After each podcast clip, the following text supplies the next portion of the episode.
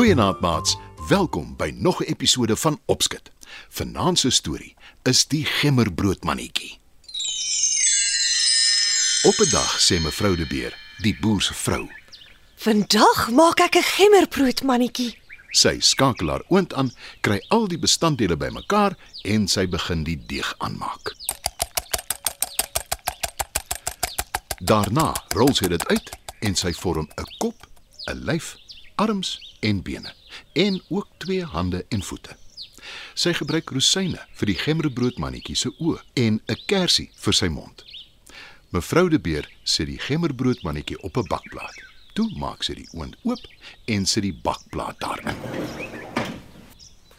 Nou vir 'n koppie tee terwyl ek wag dat my gemmerbrood mannetjie bak. sê sy tevrede. En sy skakel die ketel aan. Die ketel kook en sy maak tee.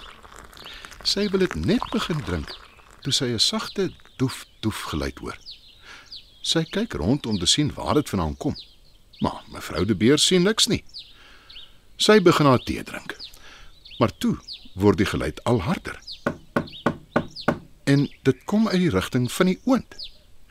Sy stap toe soontoe en hoor 'n benoude stem roep. Help! Help! Laat my uitkom. Sy maak die oonddeur op 'n skreefie oop en loer in. Tot haar verbasing sien sy die gemmerbroodmannetjie regop staan op die bakplaat. Hy swai sy arms rond. Dis hy wat so roep. Sy maak die oonddeur groter oop om beter te kan sien. Die volgende oomblik spring die mannetjie uit op die kombuisvloer. Hy hardloop onder die tafel deur, uit by die kombuis, af met die gang en uit by die deur, straat af. Wag! Wag! Kom! Roep mevrou De Beer. Maar die gemmerbroodmannetjie steur hom nie aan haar nie. Inteendeel, hy hardloop weg so vinnig as wat hy kan terwyl hy roep. Hardloop maar so vinnig as wat jy kan. Vir my sal jy nooit vang, want ek is die gemmerbroodman. Mevrou De Beer se vriendin wat langs haar bly, hoor die geraas. Sy kom uit haar huis en beskou die gedoente. Die gemmerbroodmannetjie hardloop met die straat af, gevolg deur mevrou De Beer.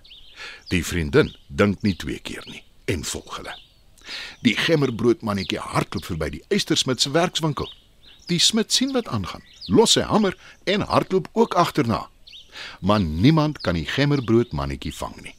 Hulle hardloop verby 'n klomp kinders wat nou net uit die skool uitkom en die eystersmid roep: Hardloop agter die gemmerbrood mannetjie aan. Mevrou De Bruin probeer hom vang, maar hy's te vinnig. Die kinders begin almal hardloop, maar niemand kan die gemmerbroodmannetjie inhaal nie. Hy hardloop te vinnig en terwyl hy hardloop, roep hy: Hardloop maar so vinnig as wat jy kan. Vir my sal jy nooit vang, want ek is die gemmerbroodman. Daar was nog nooit so konsternasie en hulle waai op die dorp se strate nie. Selfs die honde begin blaf.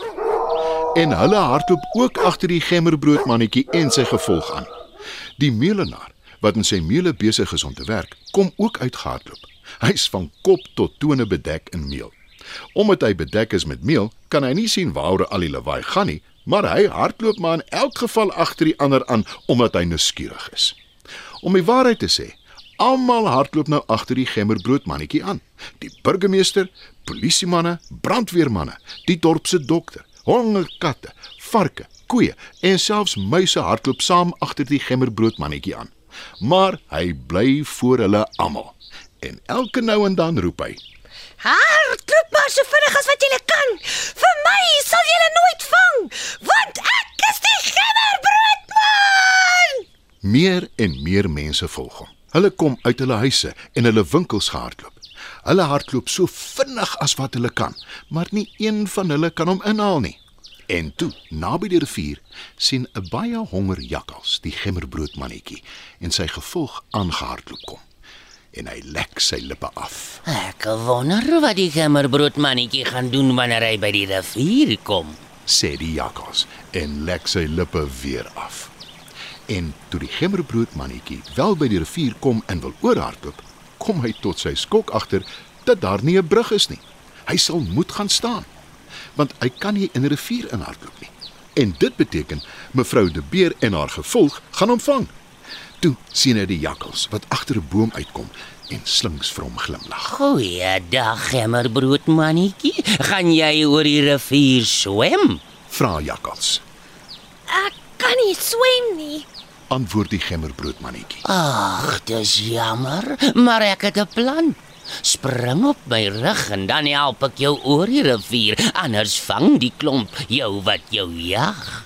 sê die jakkals. Die gemmerbroodmannetjie wik en weeg. Toe vra hy: Jy sal my nie opeet nie, sal jy? Nee, natuurlik nie, ek wil jou maar net help. antwoord die jakkals en hy lek weer sy lippe af. Die gemmerbroodmannetjie klim op die jakkals se rug en die jakkals begin oor die rivier swem.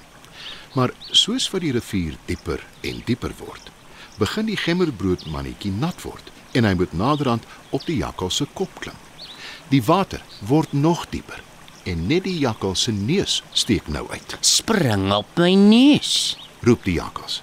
En dis presies wat die gemmerbroodmannetjie doen, So, ja, dis beter. sê die jakkals en voeg by. Nou sal jy nie nat word nie en jy sal soveel beter smaak. En daar vreet die jakkals die gemmerbrood mannetjie op.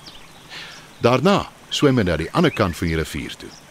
En toe mevrou De Beer en haar hele gevolg by die rivier aankom, is daar geen teken van die jakkals of van die gemmerbrood mannetjie nie.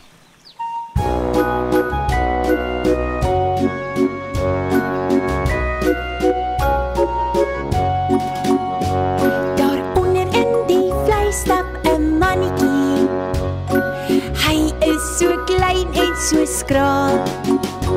Hy swaai sy ou klein koffiekannetjie en stap na sy pad vir die honderdste maal langs die bome en blink water voore.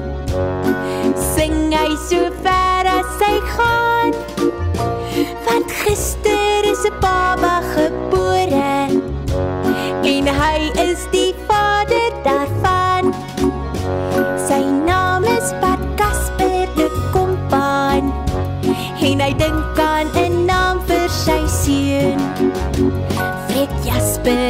Sarel kan dalk gaan.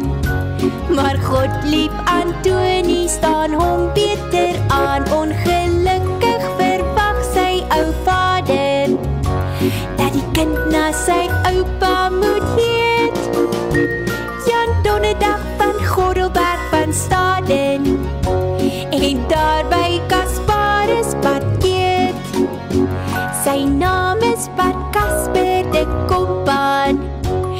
en hy dink aan 'n naam vir sy seun. Fred Jasper en Sarel kan dalk gaan maar God lief Antoni staan hom beter aan. Ongelukkig verwag sy ou vader dat die kind na sy oupa moet heet. Jan Donderdag van Gordelberg van Staden en daar by Kasparus parkeer